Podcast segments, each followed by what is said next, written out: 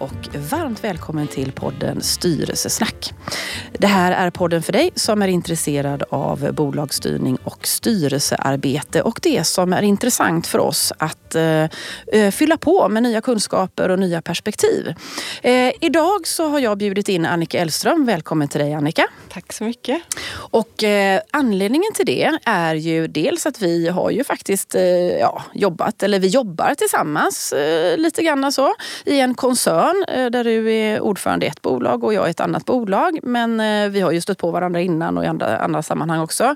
Och det som jag tycker är så spännande med dig och din bakgrund, det är ju liksom det som jag brinner väldigt mycket för. Det är ju det här med innovation och, och förändring och digitalisering, de här frågorna. Och jag tänker att det är ju jättemånga lyssnare som är, tycker det här är ett spännande område. Eh, vi har berört det i några avsnitt innan fast på lite andra perspektiv. Så att, eh, jag tänker så här för att lyssnarna ska lite grann förstå varför jag har bjudit in dig och varför du kan prata om de här frågorna. Skulle du eh, kort kunna presentera dig och vad, vad, vad du har för bakgrund med dig in i detta? Absolut. Och vi har ju haft väldigt mycket spännande samtal genom åren som är verkligen så här gemensamma passion och hjärtefrågor. Eh, min bakgrund är, eh, började som Eh, IT-konsult, jobbat på Guide och Framfab under dotcom-eran. Eh, men har väl min professionella uppväxt inom Stena där jag var i 16 år i diverse olika IT-roller, mer mot digital affärsutveckling, strategi, innovation, transformation. Sen fyra år tillbaka så är jag CDO på Lindex med ett stort fokus på tillväxt, hållbarhet och digital transformation. Mm. Tänk att lite grann just nu så befinner vi oss i tre samtida transformationer, vilket mm. gör det ännu mer spännande. Om man ja. pratar om som Lindex som bolag, det här fantastiskt fina eh, bolaget som har funnits under lång tid, sedan 1954, så vi firar ett stort jubileum nästa år. Eh, så är det att gå från att vara ett enkanalsbolag till att driva tillväxt i många kanaler. Mm. Den andra transformationen handlar om att skapa en cirkularitet, mm. cirkulära erbjudanden och en hållbar affär framåt. Och den tredje transformationen är att göra det digitalt skalbart. Mm. Ända in i kärnan i bolaget. Mm. Vilket är lite utmaningar mm. såklart, men väldigt, väldigt roligt. Mm. Så det, det är väl väldigt kort om mig. Eh, sen sitter jag också sedan fyra år tillbaka i, eh, i styrelsen för Bengt Dahlgren, Brand och risk, där vi har mötts då i Bengt Dahlgren-koncernen. Mm jätteroligt men också fokus då på digitalisering, innovation och transformation. Mm. Och då tänker jag så här att eh, när vi är ute och snackar om de här frågorna så gillar jag ju det här med att man kanske är lite tydlig med definitionerna. Mm. Om du då, liksom, nu har du använt transformation, mm. digitalisering, mm. innovation. Mm. Om du i din värld och, och, skulle få beskriva liksom vad du lägger i de här olika, eller vad fyller du mm. de här orden med? Ja, och jag tänker att digitalisering är ju det som händer oss alla. Mm. Eh, bolag, hela samhället går mot en digitalisering. Vi gör saker digitalt idag för att det är möjligt. Vi pratar automation, är ett annat sånt här begrepp som är att vi, allting som går att automatiseras kommer att automatiseras. Vilket kommer göra våra jobb roligare. Men vi behöver igenom en transformation där vi kommer från ett sätt att göra saker till någonting helt annat som både då omfattar möjligheten till effektivisering i bolag men också en digital affärsutveckling. Så det, det, är liksom inte en grej, utan det är många delar och många perspektiv. Mm. Och apropå perspektiv så tänker jag när det gäller transformation så krävs det ett mer holistiskt eh, synsätt som har tre framförallt viktiga perspektiv. Det är affären. Affären behöver utvecklas framåt, framtidssäkra eh, alla fina bolag, existerande bolag så att de fungerar digitalt framåt. Det här som om man skulle starta Lindex idag mm. så hade man gjort på ett helt annat sätt. Eller hur? Helt andra verktyg, helt andra processer, helt andra arbetssätt. Så. Nu har vi ett existerande bolag som har en fantastisk affär och mm. så ska vi flytta den framåt, in i framtiden. Så det är affärsperspektivet. Det andra perspektivet är teknologi. Det är med tanke på den snabba teknologiutvecklingen så finns det otroligt mycket spännande möjligheter. Det är ett perspektiv. Och det tredje är eh, people-perspektivet, eller människorna. Mm. Och för att lyckas med en transformation så behöver man ha alla tre perspektiven. Alltså, annars, mm. annars blir det bara, om man tar bara teknik, vi skulle säga mm. så här, ChatGPT mm. är en fantastisk innovation och möjlighet. Mm. Men skulle vi bara titta på ChatGPT så är det en, en, en teknik. Om vi inte får med oss människor, eh, att fylla den med värde. Vissa saker kommer ju försvinna. Vissa arbetsuppgifter i bolag kommer ju försvinna med en möjlighet som ChatGPT ger. Inte alla jobb och inte alla människor, utan det kommer förändra hur vi jobbar, vad vi gör. Vi kommer behöva liksom addera på andra värden. Och jag tror någonstans att våra jobb kommer bli mycket mer roligare. För att mycket av det som ChatGPT gör idag eh, är liksom administrativt. Så att det, där Gillar inte vi människor att administrera tänker du, rent generellt? Rent generellt, är det så här, eh, många med mig gör inte det. Nej. många, håller med mig, många med mig tror att det finns roligare saker att göra. Ja. Så att jag tror att någonstans, ska man prata transformation så behöver man ha med sig alla tre perspektiven. Mm. Det blir väldigt lätt att springa in och ta en del. Och när man pratar innovation så kan man ju prata om en teknisk innovation. Mm. Men den kommer ju inte få någon skala eller affärsmässighet eller koppling till någon kund eller erbjudande om man inte har eh, affärsperspektivet. Nej. Och om man inte har människor med så att man ändrar sina processer eller arbetssätt så kommer den heller inte flyga. Den kom, man kommer inte gilla den. Eller man kommer inte förstå den kanske. Hur lång är en transformation? Vilken himla bra fråga. Hur långt är ett snöre? Ja. Det beror på. Ja. Mm. Det är det klassiska svaret. Jag tänker att eh, så som jag ser på Lindex här, så har vi många transformationer. Så jag tror att det är liksom ett sätt att vi vi blir nog inte färdiga. Det är väl lite grann samma sak som, har vi lärt oss klart? Är, vi, är man, är man liksom färdiglärd? Jag tror Mm. att så som vi har jobbat mycket då, att man, man utbildade sig i början av livet och sen så var man liksom good to go, Ja. har det varit. Snarare att tänka att det är ingen vaccination, utan det är en daglig vitamin. Mm. Du behöver liksom så här, hålla dig ajour, uppdatera dig. Och det gäller ju bolag, det gäller Mm. styrelser, det gäller ledningsgrupper, ledare, medarbetare, alla. Det är ju därför du är här nu Ja. i styrelsesnack. Liksom, för att vi, vi vill lyfta det liksom in i styrelsen. Att vara Mm. var, var styrelseledamöter och, och alla som är runt omkring naturligtvis som är nyfikna på detta. Liksom, Mm. då. Men, men det är ändå det perspektivet. Då. Eh, men ehm, om du ska, och, och innovation tror jag inte att du riktigt Nej, nej. eh, fyllde Nej, jag- med en definition. Eller, eh, vad, vad är det för dig? Nej, men jag tänker att det, är, det finns många olika typer av innovationer. Det kan ju vara en teknisk innovation som är drivet av det är en ny idé, någonting vi kan göra annorlunda, någonting vi kan erbjuda våra kunder som blir annorlunda. Jag tänker man kan också lägga ett innovationsperspektiv på en process. Vi gör någonting annorlunda. Produktinnovationer känner vi ju alla till. Den är väldigt väl och tydlig. Men jag tror, för mig så är, kan man titta på innovation på ett litet holist, mer holistiskt perspektiv. Jag tänker också att jag många gånger har betraktat innovationer utifrån eh, horisonter. Det finns ju liksom många då att man säger att innovation som ligger väldigt nära dagens affär, eh, som gör oss lite bättre, lite snabbare, men existerande affärsmodell. Sen finns det de som är närliggande, det vill säga att vi gör någonting lite annorlunda, lite bättre, eh, lite bredare erbjudande kanske till fler nya typer av kunder. Och sen så har vi det som ligger ännu längre bort. Horisont 3 kallar man ju det ibland, liksom så här, teoretiskt. Det är de som är transformativa, som tar oss någon helt annanstans. Där vi inte har affärsmodellen helt hundra klar för oss. Så den första delen är liksom lite det här förbättrande, lite skruva, muttra, lite så här då. Precis. Och sen har vi kanske lite större, större delar som är mer utvecklande. Ja. Och sen den sista delen som är mer den här liksom, eh, transformativa så att säga. Om man tar de tre beskrivningarna på en innovation. Så någonstans handlar det om att nyttiggöra någon idé. eh, och Precis. sätter det i den kontexten. Liksom. Eh, hur mycket pratar du om affärsmodellsinnovation? För nu, om jag får utmana det lite grann, så var du inne i liksom, men, teknik eller arbetssätt eller hur vi tar betalt kan ju vara en annan liksom, ingrediens i det hela. Eh, jag brukar prata om, om när du, och så använder du ordet holistiskt.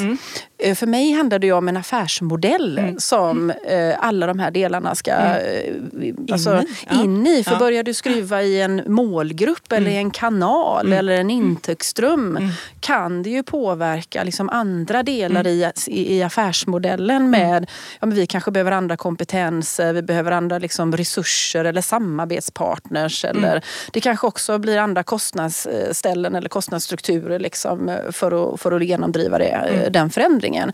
Så, så affärsmodellsinnovation brukar jag mer använda mig av än kanske just det här holistiska. Ja. Och är det, säger vi, pratar vi men samma jag sak tänker vi ungefär? Mm. pratar om samma sak. Och, och jag tänker att vi pratar väl generellt sett mer och mer, skulle jag säga, i Mm. bolag om affärsmodellsinnovationer. Mm. Tänk att det har liksom tydligare kommit upp på, på, liksom, eh, på borden. Mm. Eh, Att det är inte självklart att ens affärsmodell håller för Nej. allting som händer runt omkring oss. Mm. Inte bara i form av teknologisk utveckling utan mer att världen förändras. Mm. Liksom.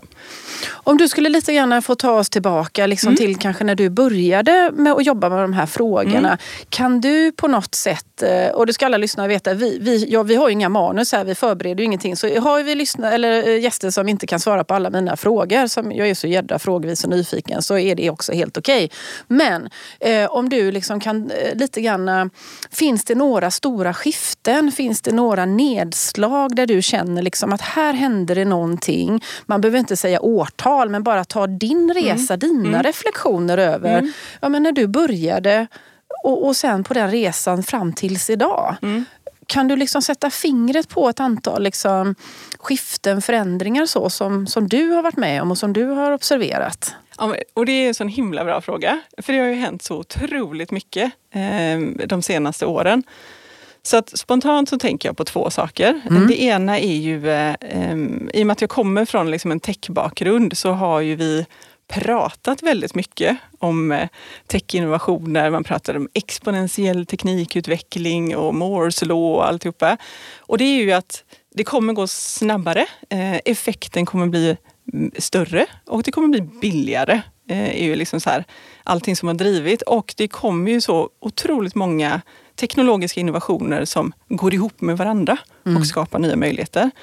Så jag tänker att för, för fem, sex år sedan så pratade vi om ChatGPT.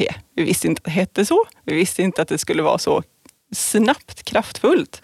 Utan jag tänker just det här att det som, det som jag verkligen ser nu är kraften av det exponentiella. Mm. Och då pratar man, om, om vi tar oss tillbaka då till 16, 15, 16, 2015, 16 så var ju det, man pratar om det nya normala eh, då.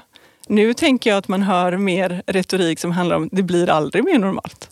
Det Eller blir hur? liksom så här, Mm. det är liksom Get used to it. Get used to it! Mm. Så den ena delen skulle jag säga liksom den, den otroligt snabba teknikutvecklingen Mm. där, vi, där vi lever i det idag. Där vi liksom så här, våra barn, digital borns, liksom, Mm. de ser saker annorlunda. De har andra möjligheter. Det är tur att de fortfarande kommer ur kroppen du. Eller hur? För snart är väl det annorlunda också. Nej, men, nej, men jag tänker att det, det, är liksom, det förändrar beteenden, det förändrar förväntningar. Mm. Så att det, det, det vi pratade om, det lever vi idag. Mm. Eh, Så att jag tror att det här att man, när man tittar på teknologiska innovationer så är det väldigt lätt att man blir besviken i början. Mm. För det händer ingenting, ingenting, ingenting och så händer allt på en gång. Mm. Och då är man lite efter. Mm. Så det där är liksom vikten av att, att förstå, att Mm. prata, att resonera om den här typen av eh, utveckling Mm. är viktigt på alla nivåer i bolag. Skulle jag säga. Mm.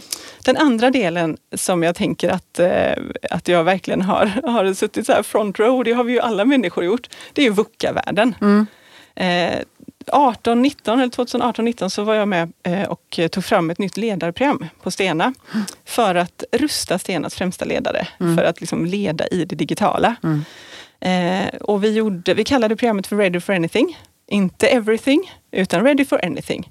Det här behöver vi liksom rusta oss i. Och det handlade då om att eh, jobba med omvärldsanalys. Att eh, titta på värdet av kognitiv mångfald. Vi behöver personer som tänker olika. Vi får inte vara för stöpta i samma form. Hållbarhet och inspirerande ledarskap. Istället för att kanske liksom jobba med kontroll och information så behöver vi jobba med inspiration och engagemang. Och nätverksskills är ju Mm. liksom en sån här förmåga för framtiden. Och att kunna navigera i det okända. Och det som var väldigt roligt var ju att då gjorde jag det eh, 18-19. Sen gick jag in eh, som, som CDO och IT-chef på Lindex. Och sen kom pandemin. Så jag fick verkligen praktisera Ready for anything-ledarskapet som jag hade varit med och tagit fram. Så jag fick liksom Ha, ha, ha, jo, hade ni, hade ni liksom gett er själva bra verktyg och, och red, eh, readiness för, för den här liksom, eh, för Ja, pandemin till exempel? Ja, men det som var roligt när man hörde då tillbaka till när jag pratade med mina kollegor från, från Stena liksom då, som sa det att eh, resonemanget hade ju kommit upp sen på Stena så här, vi visste inte att det skulle vara en pandemi. Men det var skillsen vi lärde oss för att navigera i en VUCA-värld Mm. var de som vi tränade oss i.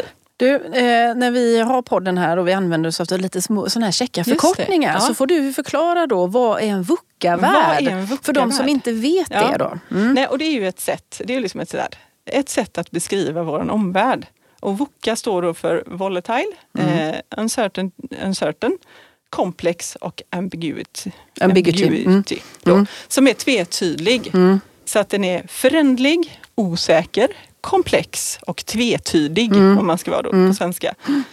Eh, och det, det är ju det vi lever i och det är där jag någonstans se liksom med allting som händer i världen, inte bara teknologisk utveckling, så kommer vi behöva navigera mm. i en... Det kommer inte bli långsammare, det kommer inte bli stabilare på ett tag i alla fall. Det hoppas vi verkligen att det blir politiskt och säkerhetsmässigt, att mm. det blir lugnare. Mm. Men eh, vi kommer ju behöva navigera ett mm. tag till i den här... Eh, och jag tänker det här med VUCA också, det handlar ju om faktiskt att, att eh, jag tror att det var amerikanska försvaret egentligen som använde sig av den här liksom förklaringsmodellen eller metodiken. Mm. Det här mm. med att vi har ett mål men vi vet inte fasen vad som mm. kommer att hända när vi mm. ska, är på väg mot vårt mål. Ja. Så det är ju också kopplat till att vi ska någonstans ja. och helst en tydlighet i det. Ja. För att vi också ska kunna ställa de här händelserna som kommer i vår väg på, på, i, liksom på kartan. Så att vi, okej okay, vi kunde inte gå rakt fram här, vi var tvungna att svänga vänster.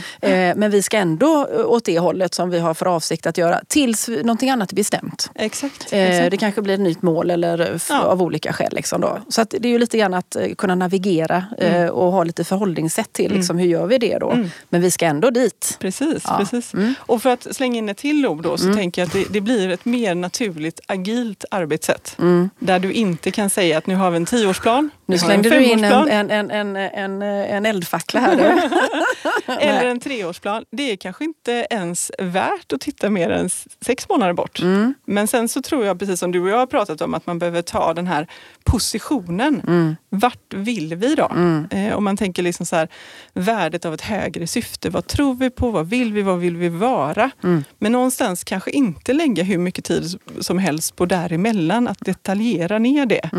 För det är lite grann, när man pratar om agilt ledarskap så kan man tänka att det är skillnad på att kasta pil mm. och ta en cykel. Mm. Idag är det mycket bättre att cykla. Men mm. sen har vi ju bolag, stora bolag, vissa sådana här kasta pilbeslut. Mm. Vi måste ta den här investeringen nu. Mm. För annars så är vi inte färdiga eh, om några år med den här Nej, förmågan. Och det är ju det som jag tänker också, det att eh, olika bolag har ju olika eh, affärer mm. som gör att de kan eh, kanske ändra snabbt. Jag, tänker, jag jobbar ju i en del bolag som har produktionsenheter, alltså eh, bygga en produktionslina, eh, bygga liksom, ja, men med fastigheter och, och maskiner runt mm. Omkring. Det är ganska stora mm. investeringar, tar mm. ganska mycket tid. Alltså det här, liksom, vad fasen. Mm. Tidigare så kunde man på ett annat sätt ha underlag för den typen typen av beslut. Mm. Idag blir det väldigt mycket risk. Mm. För mm. man, man, underlagen är ju inte lika säkra längre. Nej. Så att, eh, Medan det kanske då en bolag med en konsultaffär där det är mm. lite, lite enklare i alla fall med människor att mm. kunna styra mm. runt och inte ha eh, en produktion, eh, fabrik eller vad det nu är för någonting som, ja. som står ja. där. Eh, så vi har ju liksom lite ja. olika förutsättningar ja. också. Då. Men eh, vad, vad är dina jag fick en, fick en tanke upp i huvudet när du pratade lite grann om Lindex och transformation. Mm. Och det har ju du gjort i flera bolag då. Men det här med att, um, jag tänker bara att identifiera att nu händer det någonting. Nu behöver vi jobba med transformation, vi behöver mm. navigera i det här mm. nya mm. Eh, kontexten. Och sen så landar man ner mer i, eh, ja det här blir det nu då. Mm. Den här förflyttningen mellan att vara i det transformativa stadiet till mm. det nya normala läget. Mm. Förstår du jag tänker? Den här lilla, ga, eller inte gapet, det ska ju finnas ett flöde. Ja. Men jag upplever ibland att vi har eh, utmaningar med att eh, lägga in det, det nya mm. normala, mm. normalläget. Mm. mm. Kan, har du lite, för jag ser ju på dig att du... Oh, ja, det här, och det, här, det är ju liksom så här pudelns kärna rätt in i de svåra frågorna. Ja. Det gillar jag, det är bra. det är bra. Nej men det är ju där eh, utmaningen ligger. Det finns, alltså min bild är att det finns inga bolag, ja det kan ju finnas bolag, men de allra flesta bolag har inte problem med att få upp idéer Nej. eller tankar kring innovationer, transformation och digitaliseringspotential. Det, det finns överallt. Det finns mm. väldigt mycket smarta människor i bolag. Men att få det till att bli någon, det nya mm. som går att skala upp är en annan sak. Mm. Eh, och här när, vi, eh, när jag var på Stena så byggde jag upp då ett transformationslabb där vi jobbar utifrån tre områden. Där man säger att här behöver vi utforska vad som händer i omvärlden som är relevant för oss. Den nästa steg var att här prototypar vi. Här gör vi någonting praktiskt. För mm. det tror jag är en nyckel mm. till innovation och uppskalningsarbetet. Att man inte pratar om det. Man kan inte prata sig till en innovation som ger effekt eller en transformation som ger effekt. Utan man måste göra mm. någonting väldigt konkret och praktiskt. Och den sista delen är liksom uppskalningen. Mm. Och de två första kan man göra ganska så här fristående från eh, den existerande kärnaffären man har idag. Mm. Men när man kommer in i den, i den tredje så är det rätt in i kärnaffären som den ser ut idag. Mm. På Lindex så pratar vi lite grann om transform och perform. Mm. Att vi har en del som hanterar dagens affär. Den ska ju bara fortsätta och vara lika framgångsrik som den är idag. Samtidigt som vi vet att vi behöver transformera för att framtidssäkra mm. oss som bolag. Eh, min bild är att man behöver vara medveten om att de som jobbar i kärnaffären idag behöver vara medvetna om vad som händer eh, omvärlden kanske också eh, involverade. Att vissa personer går in och är involverade i den här prototypstadiet. Det brukar vara väldigt bra, men här ska man kanske också plocka med externa. Mm. Eh, jag tänker i, i fallet digitala innovationer så är det en otrolig styrka att ta med sig digitala entreprenörer mm. som har byggt den typen av tjänster och erbjudande från startupvärlden. Det är ju mm. otroligt effektfullt att ta in digitala entreprenörer i etablerade stora bolag. Mm. Men ha med sig eh, kompetens från kärnaffären och sen så då handlar det ju väldigt mycket om en timingfråga. För då ska man ju ut och möta kunder i kanaler och då blir det väldigt mycket mer praktiska frågor som handlar om timing och eh, kanal, paketering. Så då behöver ju kärnaffären och framförallt ledarna behöver vara involverade i mm. den processen för att få effekten. Mm. Och då tänker jag så här, hur, um, för jag vet ju att man vet ju inte riktigt liksom vad det ska ta hän Nej. någonstans. Men Nej. man har ju någonstans ett, ett syfte med mm. att man faktiskt gör uh, den här liksom utforskande, mm. prototypande delen. Man, och man blir ju lite mer tydlig med, längs med gången med att det ska landa ner i uh, den mm. befintliga och skalbara, uh, så befintliga affären och skala sig. Um, min erfarenhet är att det är viktigt i början att ändå prata om hela eh, mm. delen. Mm. Inte bara om, de, om jag tar ditt språk här nu, de två första stegen. Ja. Utan att det faktiskt liksom det tredje steget ja. eh, är med redan från mm. början. Det kanske är lite mer otydligt. Mm. Men den ska ha en tagare, mottagare. Mm. Det ska mm. in i det här. Eh, och ju, i en del av processen är att göra det mer tydligt hur. Eh, förstår du vad jag menar? Så att inte det kommer sen Nej. som någon slags eh, liten chock eller eh, det går för fort och man har inte skapat rätt mottagarorganisation eh, mm. för det. Liksom. Nej. Nej. Är du, ja, jobbar ni... Ja, ja, mm, och det, du med det, mig? Ja, jag är helt med dig. Och jag tror att det är en otroligt viktig eh, punkt att man, eh, att man har den involveringen och ser helheten från början. Mm. Um, och här tänker jag att, här har jag jobbat lite olika men ibland har man med sponsorer. Mm. Det finns någon som bryr sig lite extra mm. om det här hela vägen. Mm. Eh, vad, kan kan vara, med... vad, kan vara, en sponsor? Eh, är det liksom en funktion internt? Ja, men det kan vara en avdelning, funktion, eller? en avdelning okay. eller en person mm. som har detta som så här en del av sitt uppdrag mm. att se till att uh, det här lyckas. Mm. Yes. För jag tänker de, de innovationerna som, som människor vill se lyckas, de lyckas ju. Liksom. Eller hur? Så det, det är väldigt enkelt. väldigt enkelt. I alla fall i den lite helikopterperspektivet ja, så är det ju ja. så. Nej, men jag tänker, och där, där tror jag det är viktigt att eh, involvera. Där är liksom bolagsledning, styrelse. Det, det behöver liksom finnas ett, ett, eh, en medvetenhet och en vikt av innovation mm. eh, och transformation. Då. Och jag tror att någonstans så kan man ju titta på hur mycket tid lägger vi då på alltså faktiska pengar på dagens affär mm. och morgondag, eller det som ska bli morgondagens affär. För jag tror man måste ta ner det till siffror mm. där man säger att vi har ett litet av ett portföljtänk. Att här har vi dagens affär som ger oss så här mycket pengar. Morgondagen ska ge oss så här mycket pengar. Eh, och då behöver vi skapa den förmågan längs vägen. Mm. Vad gillar du tänket eh, om man nu bara ska dra ner? För, för lyssnarna i den här podden är ju både alltså väldigt små startupbolag mm. Eh, till små och medelstora bolag och kanske riktigt stora bolag. Så vi har ju lite olika typer av lyssnare här och man sitter med lite olika, olika kanske eh, mognadsgrad för bolag att jobba med de här frågorna. Och om man tar liksom det här, du pratar om lite om tre tidshorisonter mm. och så säger vi liksom så här, ja men här är det mer, liksom, det är mer förfina den dagliga affären och kanske mer utvecklande och sen kommer det mer transformativa. Mm. Liksom så här. Eh, om man då skulle bara i portföljtänket mm. dra de här tre mm. tidshorisonterna. Bara, mm. bara liksom så enkelt här. Om vi skulle ta alla projekt vi håller på med nu mm. eh, och som är då investeringar och kräver mm. resurser och så här då.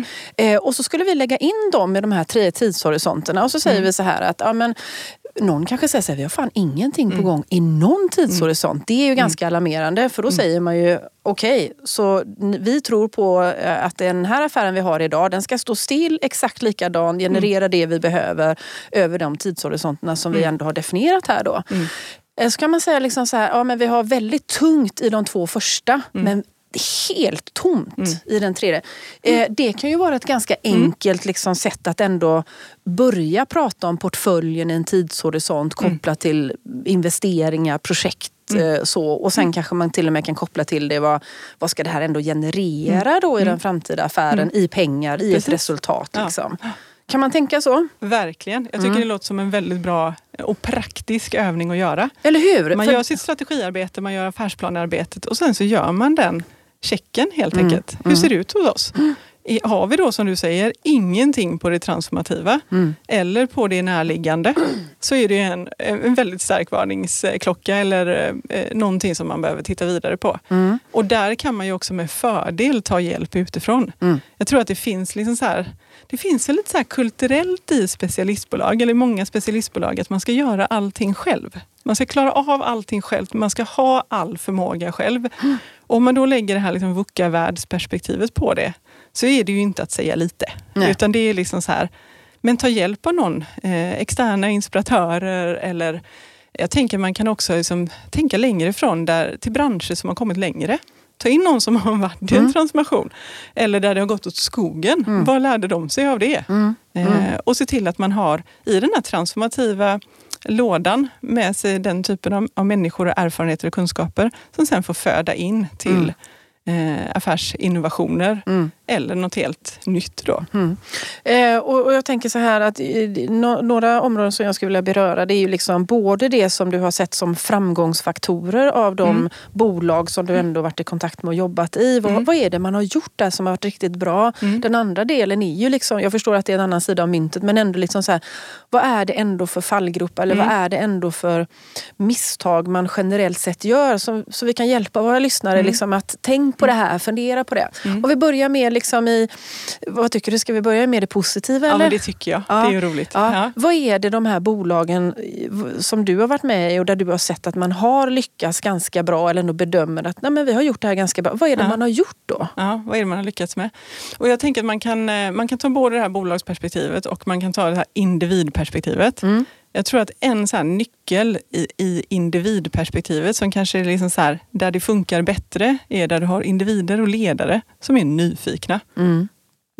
Och inte tänker sig att de har alla svaren själva. Eller Nej. sett allting, gjort allting, prövat allting. Utan men det finns den här dynamiken av att oj nu händer det någonting, vad mm. spännande. Mm. Mm. Det finns liksom så här, bolag som har en förmåga att inte vara nöjda utan det är så här, nu går det bra, men imorgon kanske det går åt skogen. Mm. Det blir alltid lite, lite nervösa. Alltså. Alltid lite nervösa och det tänker jag, det, det finns ju någonting i i, i den här startup-mentaliteten som, som blir väldigt sund. Som är det här att vi kanske har finansiering ett halvår till. Mm, mm. Det blir ju på ett annat sätt i ett bolag som alltså så här, to the point. Mm. Vad är det vi ska leverera? Vad ska mm. vi göra?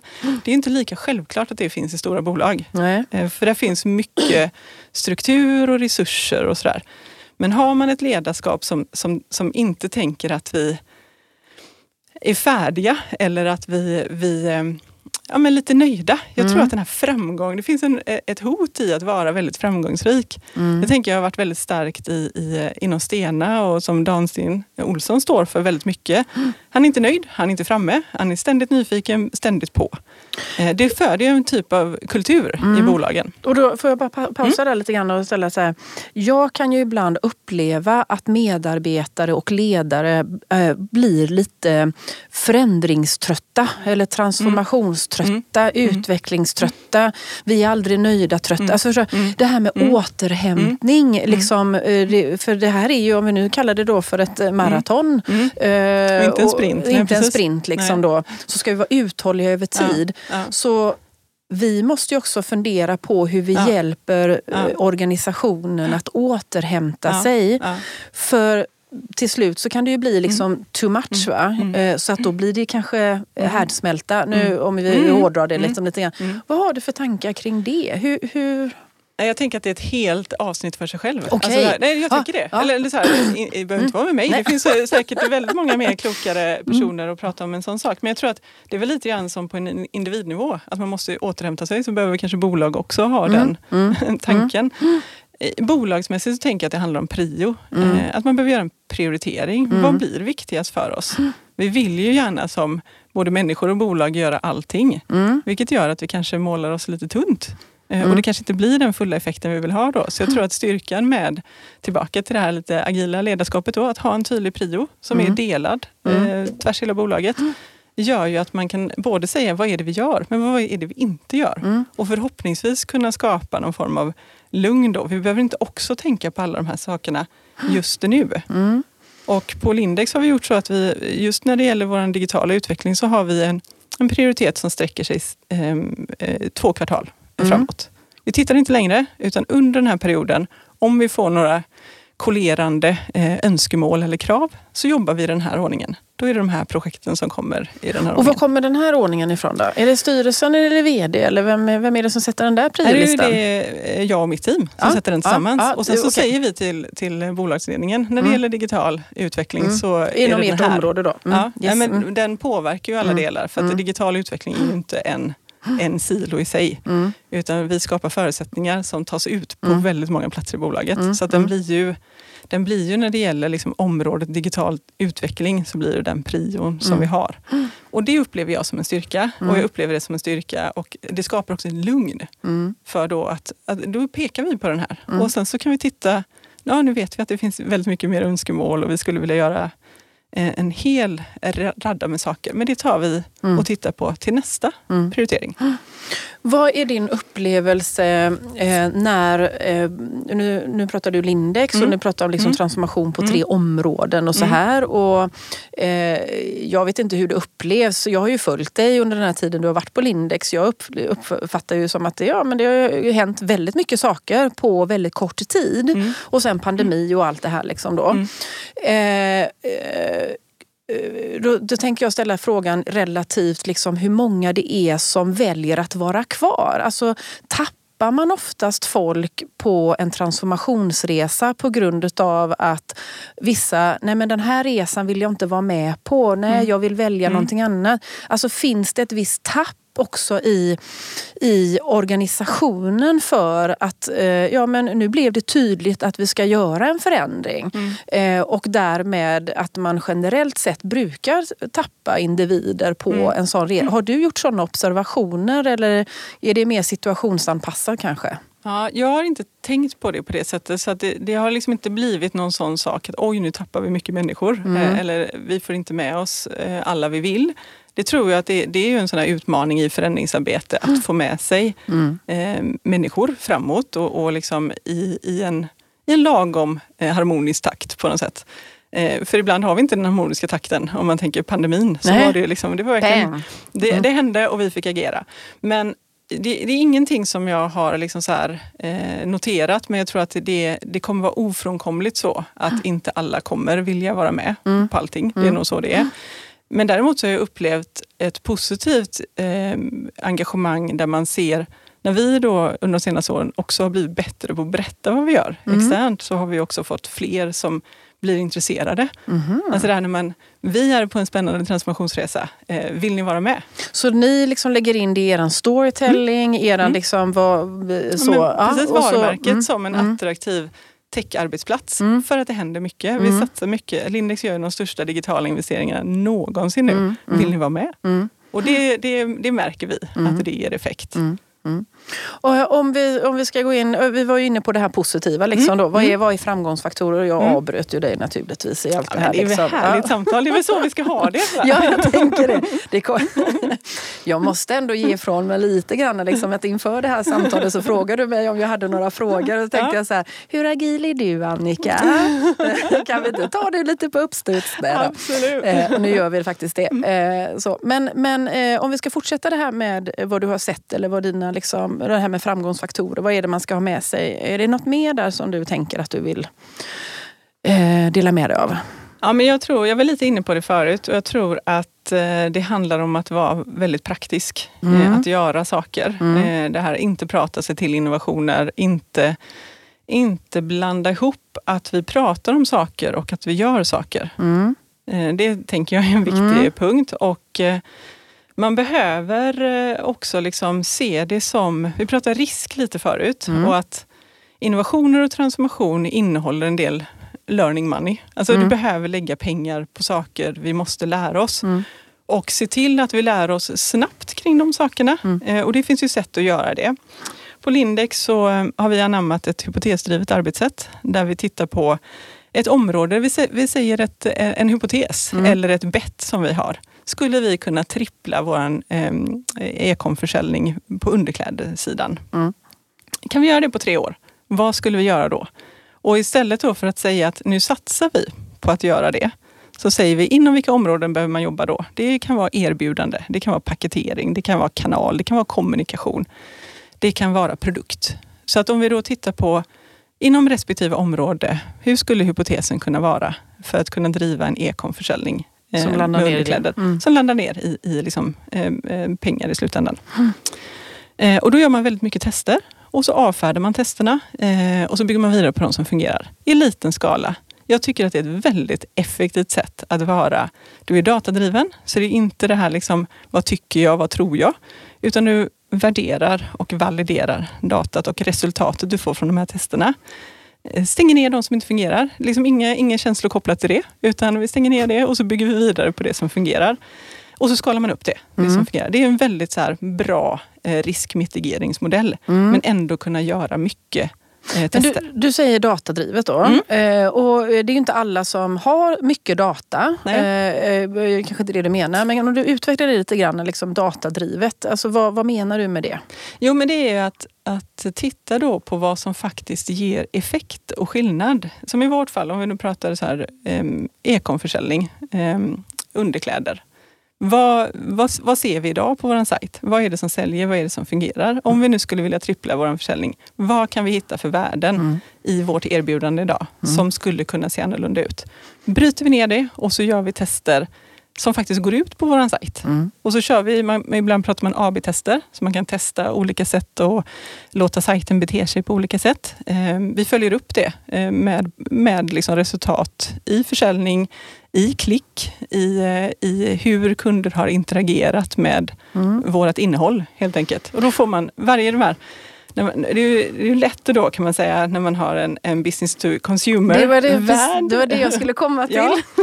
Eh, för då har du mycket data. Ja. Eh, och i en e-com-värld så har du ju väldigt mycket mm. som är liksom så här, så här interagerar vi, det här mm. gillar man. Vi har ju produkt, eh, vad heter det, reviews som, mm. som man kan då göra och det, det kan man ju också mäta. Mm. Så det är, det är väldigt tacksamt om man mm. har mycket data. Vi mm. går igång nu med RFID som, som också är en sån här, det blir ju enormt mycket data så det blir ju otroligt starka business case på, mm. på lagervärden och se till att, att göra fler varor säljbara mm. tidigt. Mm. Liksom. Mm.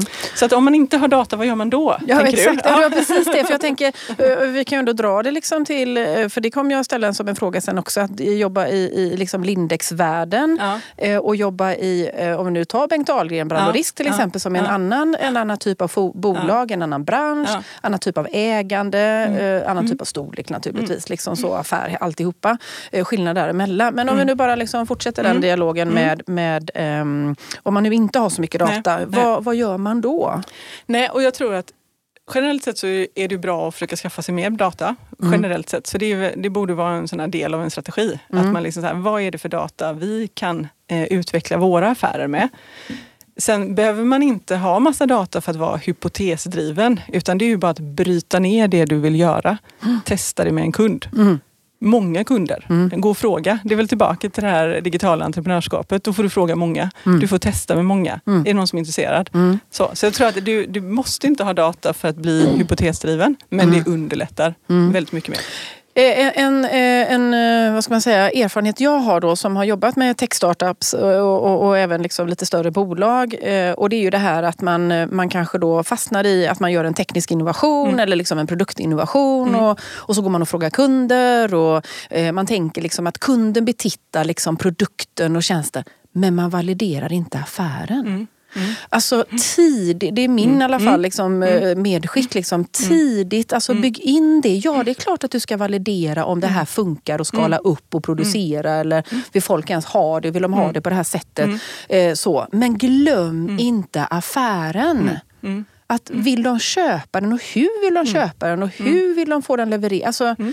Eh, är absolut, du med mig? Absolut, ja, absolut. Så det måste vara ett medskick från både dig och mig, ja, ja. tänker jag. Att det är ju, vi måste ju liksom jobba med helheten.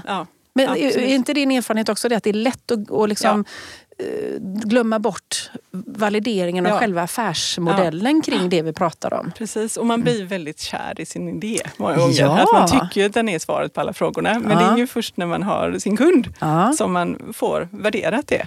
Och i stora bolag så blir det väldigt lätt att, att en innovation bor i en avdelning mm. eller en silo. Mm. Eh, och då har man inte alla perspektiven med sig. Nej. Utan det, jag hörde det någonstans liksom så att det, framåt nu så handlar det om perspektivtäthet i alla bolag. Mm. Det är inte att ta en grej och springa väldigt fort på den. Nej. Om du ska få den här skalbarheten som vi var inne på då. Mm.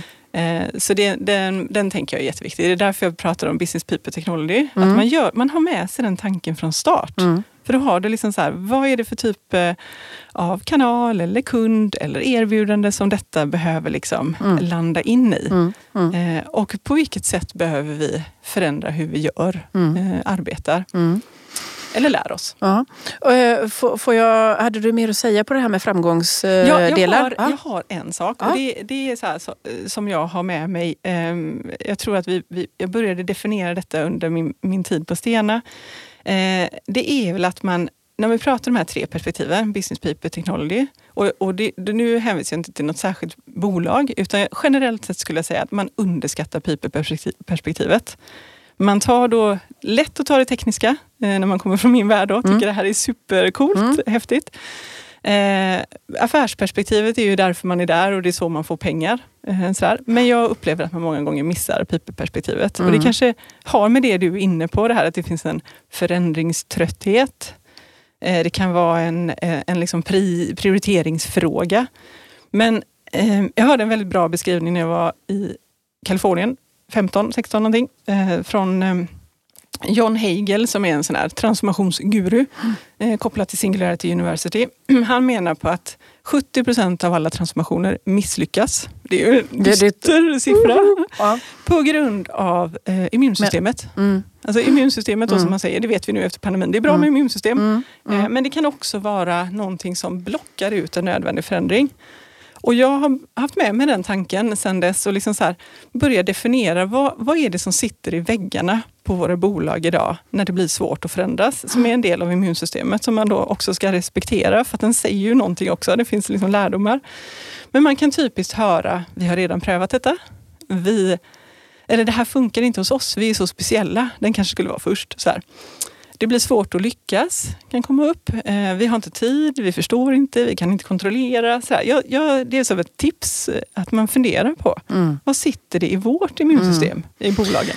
Jag brukar, alltså, um, när man jobbar då styrelsemässigt så, och behandlar så många olika frågor, men om jag ändå börjar liksom i strategifrågan då, så kan man ju prata om bolagsmognad, alltså strategimognad. Mm. Mm. Man kan ju även eh, prata om då bolags liksom, mognad för innovation eller mm. transformation eller mm. förändring. Mm. Alltså vad har man för, och då måste man ha med sig people-delen eller kulturdelen.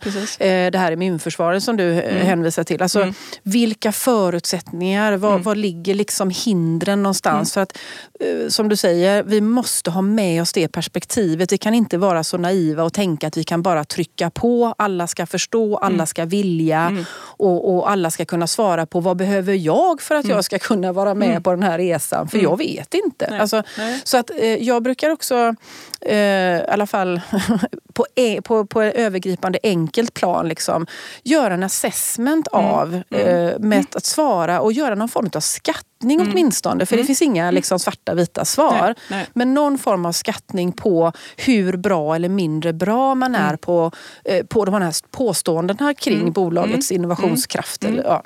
eh, och det är klart att om man kommer ut med väldigt låg mognad och sen så tänker man så här, nu tar vi in Annika här. Nu jäklar vet du, hon har sån bakgrund och, och, och liksom så här, det här kommer eh, bli strålande. Och så ska du vara som ett jädra ånglok. Och ing, alltså det är sånt gap mellan dig och dina kunskaper och bolagets förmåga. Så att du kommer ju till slut bara sparka dig trött, tänker jag. Nej, men alltså, det finns ju risk. Ja, eh, det finns i alla fall en risk för det. Så att lite grann eh, också förstå vad är vi någonstans? Vad är Ja. nuläget och vad behöver vi ha för att vi ska åstadkomma det som vi önskar? Ja. Ja. Eh, Ja, så, det, så, den, så brukar jag tänka Mm. lite grann. Eh, och det finns ju viss, jättefina sådana assessment Mm. tools eller verktyg liksom för det. Eh, ibland får man faktiskt lägga till lite egna frågor och, och, och tankar. Liksom då. Men så, så brukar Mm. Ja, men jag det tänka tror jag ibland. är bra att ha för det blir det också lite Ja, men du får en nulägesbild och lite objektivt. Ehm, så här står vi. Mm. Och jag tänker att det är, det är väldigt få som säger att man inte vill, för alla vill ju förändra, men inte förändras Ja. möjligtvis då. Mm. Så att jag tror att, att, att prata utifrån vad är det för förmågor vi behöver ha i framtiden tycker jag är kraftfullt. Mm. Liksom då omfattar det ju både vilka typer av tjänster och lösningar och eh, vilka skill, kunskaper och erfarenheter och inställning behöver vi ha. Mm. Eh, det kan göra det också lite mer, eller avdramatisera det lite, men det behöver hänga ihop med strategidiskussionen Mm. och det people-perspektivet. Så inte det kommer in liksom för sent. Mm. Eller, eller inte alls. Då. Eh, och om vi nu vill lyfta det, liksom, fasen vi har så mycket att prata om Annika, du kanske får komma tillbaka helt enkelt. Liksom då. eh, men eh, om vi nu lyfter in detta i styrelsen, för Ja, det är ju ändå ja, det perspektivet precis. jag ändå ville plocka in. ja. Eh, och du har ju ändå Mm. styrelseerfarenhet och jag tänker liksom så här, när du skiftar då från din Mm. operationella roll in, ja, men in till styrelseperspektivet. Liksom Mm. så här.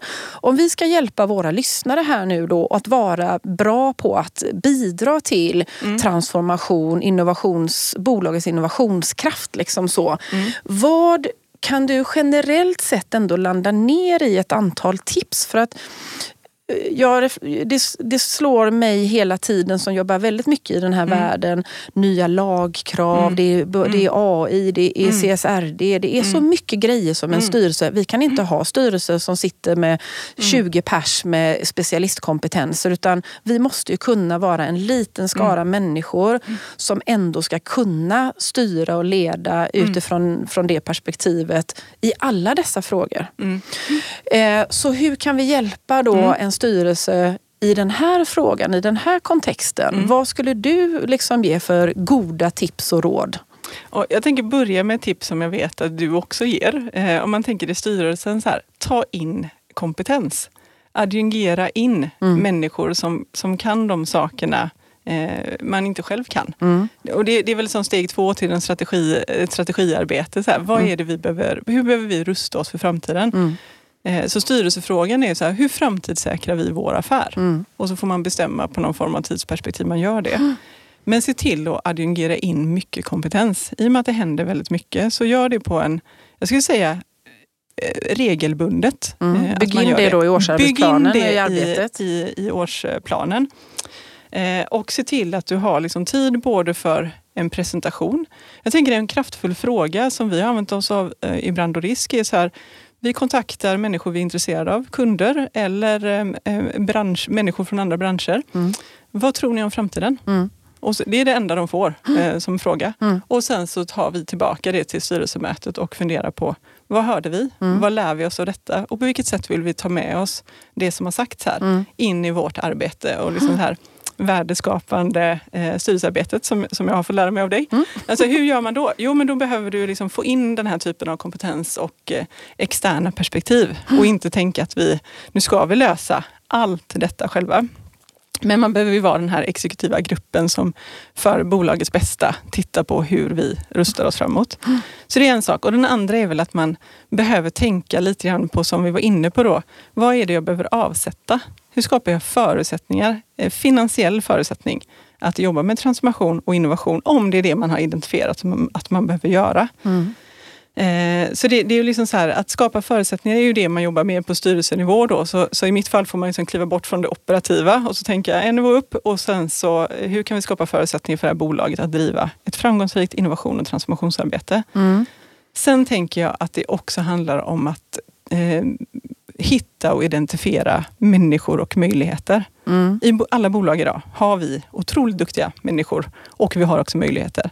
Hur kan vi, göra, hur kan vi skapa ett sätt där vi gör både människor och möjligheter synliga? Så att vi kan fånga upp den potentialen vi redan har idag. Mm. Det, är väl, det är väl där man säger, det är klyschigt nog, lågt hängande frukt. Mm. Mm. Börja titta på det ur mm. ett strategiskt perspektiv. Vilka har vi? Vilka behöver vi bygga på? Mm. Och hur matchar vi dem mot uh, möjligheter mot våra kunder? Har vi kunder som har kommit ganska långt fram? Kan vi haka på dem? Kan vi göra något praktiskt tillsammans med dem? Uh, för att omsätta en idé i någonting. Kan vi dela? kan vi dela på finansieringen, mm. göra ett joint venture. Mm. Jag tror att just de här samarbetena, det är ju någonting vi pratar mycket om i vår styrelse. Hur kan vi skapa liksom strategiska samarbeten och inte tänka att alltså, alla bolag är ju del av någonting större mm. och tillsammans. Men mm. vi, vi, vi, har väl kanske skolats i en modell som är att man ska klara allting själv. Vilket gör att, att, att nu behöver vi skola oss i nätverken och samarbeten. Mm. Delad risk. Det är väl härligt? Mm. Ja, det är absolut. Jag är helt, eh, helt med dig. Och då tänker jag så här. Min utmaning väldigt många gånger eh, är ju när jag träffar styrelser och jag som också utbildar i de här frågorna får ju möjligheten också att lyssna in vad väldigt många sitter och tänker och hur funkar det i svenska bolagsstyrelser idag eh, rent generellt sett. Liksom. Och då är min reflektion i alla fall att styrelser har en historia och tränat sig i det här med eh, mål, eh, att liksom vi ska, eh, ja, men riskminimering, eh, vi ska, alltså eh, hur man leder och styr mer utifrån det kända. Eh, och sen då nu när vi ska behöva, och, och det vet ju du och jag, vi måste ha, göra både och. Mm. Vi kan mm. inte bara göra det ena eller det andra mm. utan förmågan att göra både och. Mm. Och om styrelsen då och VD ändå ska jobba med helheter, mm. då måste ju vi också ha förmågan att förstå mm. att vi kan inte styra och leda eh, en, en framtida affär på samma sätt som vi styr och leder. Du pratar om ett mm. agilt ledarskap. Mm. Jag upplever att vi har ett mer traditionellt ledarskap och styrning i styrelser mm. generellt mm. sett. Att vi inte har samma förmåga att eh, styra styra, leda och skapa förutsättningar för den framtida affären. Mm. Mm. Och vara den här agila för mm. att vi är så vana och tränade vid det här. Det ska vara mål, det ska mm. vara uppföljning, bla bla bla. Mm. Och när vi säger, ha ehm, Eh, innovation, eh, hur mäter man ens det? Mm. Eh, hur, vad är ni någonstans nu i era projekt? Liksom, mm. så här? Mm. Ja, det, det, nu har det här hänt och nu det så här, um, det är alldeles för långsamt. Vad, vad ska det här landa ner i och mm. resultat? Alltså man, är, mm. man, man driver sin styrning på sam, med innovation på samma sätt som med den befintliga affären. Har du också ja. sett det? Ja, absolut. Ja. Om vi nu ska hjälpa och bygga mm. på det lite grann, vad skulle du tycka är tips då när man liksom så här, ja det kanske ni har rätt i men mm. hur ska jag göra då? Mm. Hjälp mig. Mm. Mm. Jag har ju en jättepotential här. Ja. Så här, för jag identifierar, jag, jag, är helt med på vad du säger och jag tänker att vi har en potential i att eh, Eh, tänka annorlunda även in i styrelserummet. Mm. Att det är en skill som vi nog liksom behöver anamma. Den finns ju såklart. Jag tänker att nu under pandemiåret så har vi ju verkligen fått träna oss i den här liksom, att leva i det okända, att agera på mindre information snabbare och sådär. Så jag, jag tänker många gånger att, att anamma det vi lärde oss, behåll det. Det är väldigt lätt att glömma vad det var som gjorde oss duktiga i kris. Det var då det liksom. liksom. Mm. Det var då det. Och lite det där uttrycket också, never waste a good crisis. Alltså kom ihåg ihåg vad vi tog oss igenom, vad vi lyckades med under pandemin i alla bolagen. Mm. För där tror jag vi har mycket av svaren. Sen den andra tipset som jag tänker spontant på bara då är att om man tänker det här så som vi har drivit bolag så har det handlat om att, eh, att toppen och ledningen och styrelse ska ha svaren. Det ska finnas svar. Eh, och man, liksom specialistkulturer, det blir, man blir lite stressad i en specialistkultur om man inte har svar. Men i styrelserummet kanske man ska jobba med och vad är de tre viktigaste frågorna mm. som vi behöver ställa oss? Bara den liksom lilla eh, tankeändringen då eh, gör väl att vi behöver fundera mer på vad som framtidssäkrar oss. Vad mm. fungerar, vad fungerar inte? Mm. Mm. Så de tre viktigaste frågorna och de tre viktigaste svaren för att du ska ju bal balansera då både dagens mm. affär och framtiden. Då. Mm. Och kanske då ta det ner till siffror. Alltså hur mycket som vi var inne på då. Hur mycket ska jag mm. lägga på dagens affär och hur mycket måste jag avsätta till framtidens affär? Mm. Så att du inte sen tre år bort sitter att oj, jag skulle börjat för tre år sedan. Mm. Ja, och den är ju lite ledsam då. Den, den är ledsam, verkligen. Mm. Och, och, vi kommer och det är väl det som är liksom eh, att, att eh, man gärna vill ha en styrelse som har koll på risk mm. och att man liksom mm. minimerar risk så mycket som möjligt. Och, mm. och, och eh, men det, är också, det finns ju också inbyggt lite grann att ehm, man inte vill göra fel. Mm. Man vill göra så rätt som ja, möjligt. Det vill liksom. vi alla. Ja, det vill ja. vi ju alla. Ja, och då tänker jag ibland också det att vi kan bli lite fega.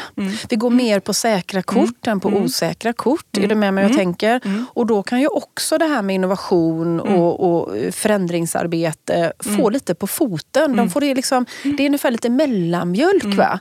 Eh, vi vågar inte gå hela vägen Nej. ut utan Nej. vi gör lite grann så har vi ändå sagt att vi har gjort det. Men, men vi har inte gjort det riktigt ärligt. Så när vi utvärderar det så har vi inte gett dem rätt förutsättningar och, och, och, svaret blir, blir som på något sätt med, med en grumlig kvalitet. Ja. Eh, ja. Så det kan jag också känna ja. ibland. Liksom, att vi, det blir lite mellanmjölk och då är det svårt att liksom, var det rätt satsningar och lite sådana här. Att vi, vi ehm, eh, vi måste vara modiga, mm. tänker mm. jag. Vi mm. måste mm. våga. För vad är alternativet? Precis. Och vem annars gör det? Vi ja. inte gör själva. Nej. Nej, och där, det är väl också en sån här kulturfråga. Jag inspirerade från många av bolagen jag träffade när jag var i Silicon Valley då, för, för nu var det ett tag sedan. Men där man liksom i kulturen har att vi startar tio projekt. Det är mm. det klassiska från Google då, som mm. var ett av bolagen vi besökte. Och sen konsoliderar vi eh, lärdomar. Mm. Eh, vi dödar vissa projekt, vi toppar upp andra och så kör vi vidare på några. Mm. Om vi då har det här att vi satsar på ett projekt. Mm. Det, är ju, det är ju väldigt riskfyllt på det sättet. Att om det nu inte blir det, ja. vad blir det då? Mm. Så här är väl min eh, tanke att det är, det, här, det är bra med portföljtänket. Att man liksom så här, inte går, man testar tid tidigt med kund. Man gör någonting praktiskt. Eh, man ser till att det handlar om att man ska lära sig fort och omsätta det fort. Eh, och sen så behöver man då som både ledning och styrelse se till att skydda det som är litet. Mm. För annars är det ju det som du säger då. Mm. Att det, det blir för tunt, det blir för litet och det blir lite, kan lätt bli förlöjligat mm. då. Mm. Om man inte riktigt förstår. Mm. Eh, så att det här tänker jag man kan gå i stora bolag, kan, kan tänka sig så här eh, draknäste. Eh, förlåt, jag måste hosta klart här. jag ber så hemskt mycket om ursäkt. Vi spelar ju in allt detta i ett flöde också så vi vill gärna inte klippa. Förlåt mig Nej, men jag fick en sån riktig tupp i halsen. Den där är jobbig. Mm. Och så försöker man stoppa den och ja, så blir det bara så värre. Blir det bara värre. Ja, vi, att, Nej, men jag tänker så här, draknästen, mm. att man låter liksom, man värderar kanske inte alla idéer själv. Man tar in mm. andra som är duktiga på att värdera mm. bolag och mm. bolagsidéer. Och så får man slänga en pott pengar på dem. Jag tänker, det här har vi pratat om när vi har haft våra härliga eh, träffar. Liksom. ja, kan, kan, man inte göra så? Liksom? Och, och se till att få hjälp med, med liksom, tänkandet, tänka tillsammans. Liksom.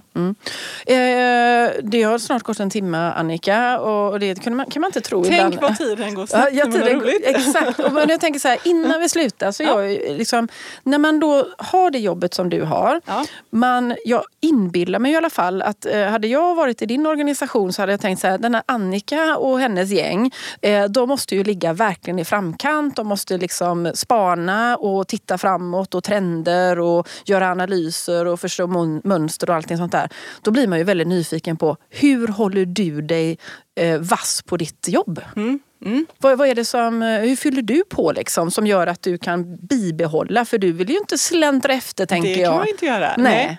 Nej. och jag eh, tänker att jag gör det på väldigt många olika sätt. Alltså, där, det händer väldigt mycket. Så att eh, läser, lyssnar på poddar, Eh, träffar mycket människor. Där har jag ett väldigt konkret eh, tips som jag har praktiserat här. Att varje vecka försöka träffa en person som kan ge mig en ny insikt om någonting mm. som jag är nyfiken på. Mm. Då får man göra en liten lista över personer eller bolag eller sammanhang som man är nyfiken på. Mm. Och så ser man till att träffa eh, och ta en kaffe mm. liksom, eller en lunch eller mm. någonting. Mm.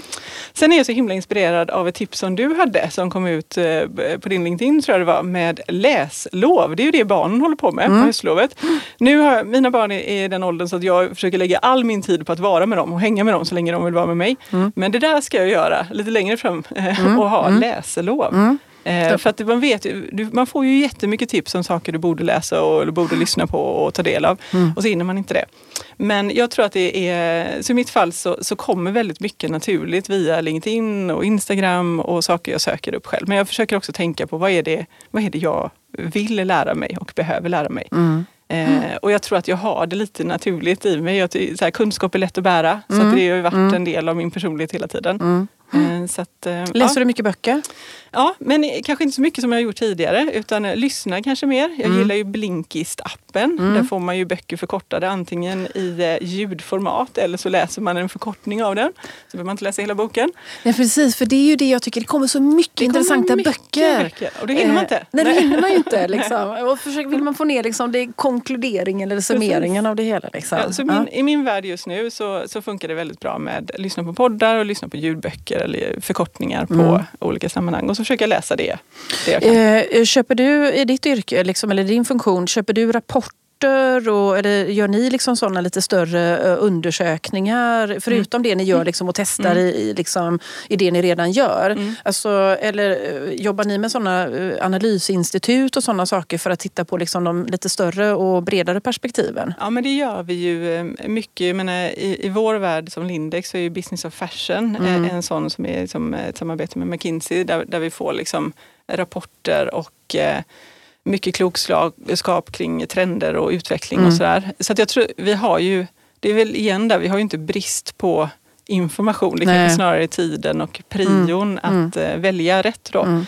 Men här är väl mitt tips, man får ju gå på lustfyllt här också. Mm. Liksom att lite så här strategisk tanke, vad behöver man för att vara, även alltså om vi säger att vi ska jobba med att framtidssäkra bolag så behöver man framtidssäkra sig själv också. Eller hur? Eh, och det behöver man jobba med liksom ja. löpande. så en egen plan, tänker Men jag. En egen plan, ja. ja. det är väl härligt. Och, och, då tänker jag också att för styrelser, att mm. man har en, mm. en, en, styrelse, en plan för styrelsen. Mm. Hur fyller vi mm. på? Mm. Eh, hur bygger vi på? Och där kanske vi är lite olika men också som grupp. Och när vi väl bygger på där, kan inte det vara bra att bjuda in vd, ledning eller att de bjuder in oss ibland. Mm. Liksom, så att vi har mm. hört samma, mm. fått resonera.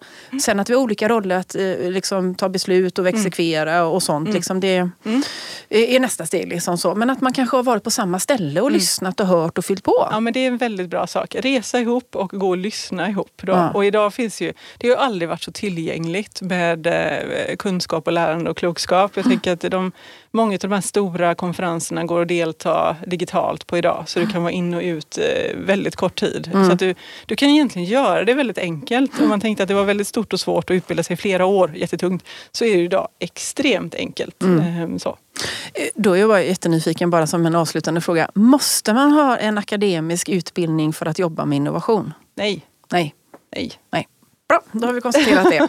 Eh, Annika, det var superhärligt att ha det här. Gott samtal som vi brukar ha du och jag. Jag tror att jag kommer få bjuda tillbaka dig för jag tror att vi har lite mer att prata om. Det känns så. Och jag tror att lyssnarna också uppskattar din kunskap, din bakgrund, din historia eh, och dina kloka med, medskick till lyssnarna. Eh, stort tack till dig Annika. Tack så mycket. Det var otroligt roligt att vara här. Jag tänker vi hade kunnat stänga av nu och bara fortsätta resten av dagen. Eller hur? Eller hur? ja, det är helt rätt. Men vi får, vi får pausa där mm. och så får vi liksom komma tillbaka och så får vi fortsätta diskussionen mm. helt enkelt. Mm. Eh, så att det lovar jag dig och det lovar jag lyssnarna här nu också. och så får vi tacka lyssnarna. Tack för att ni har lyssnat på oss idag och hoppas att eh, det här samtalet har gett er lite nya perspektiv. Eh, och så får du Annika ha det så bra och ni lyssnare får ha det så bra. Hej då! Hej då!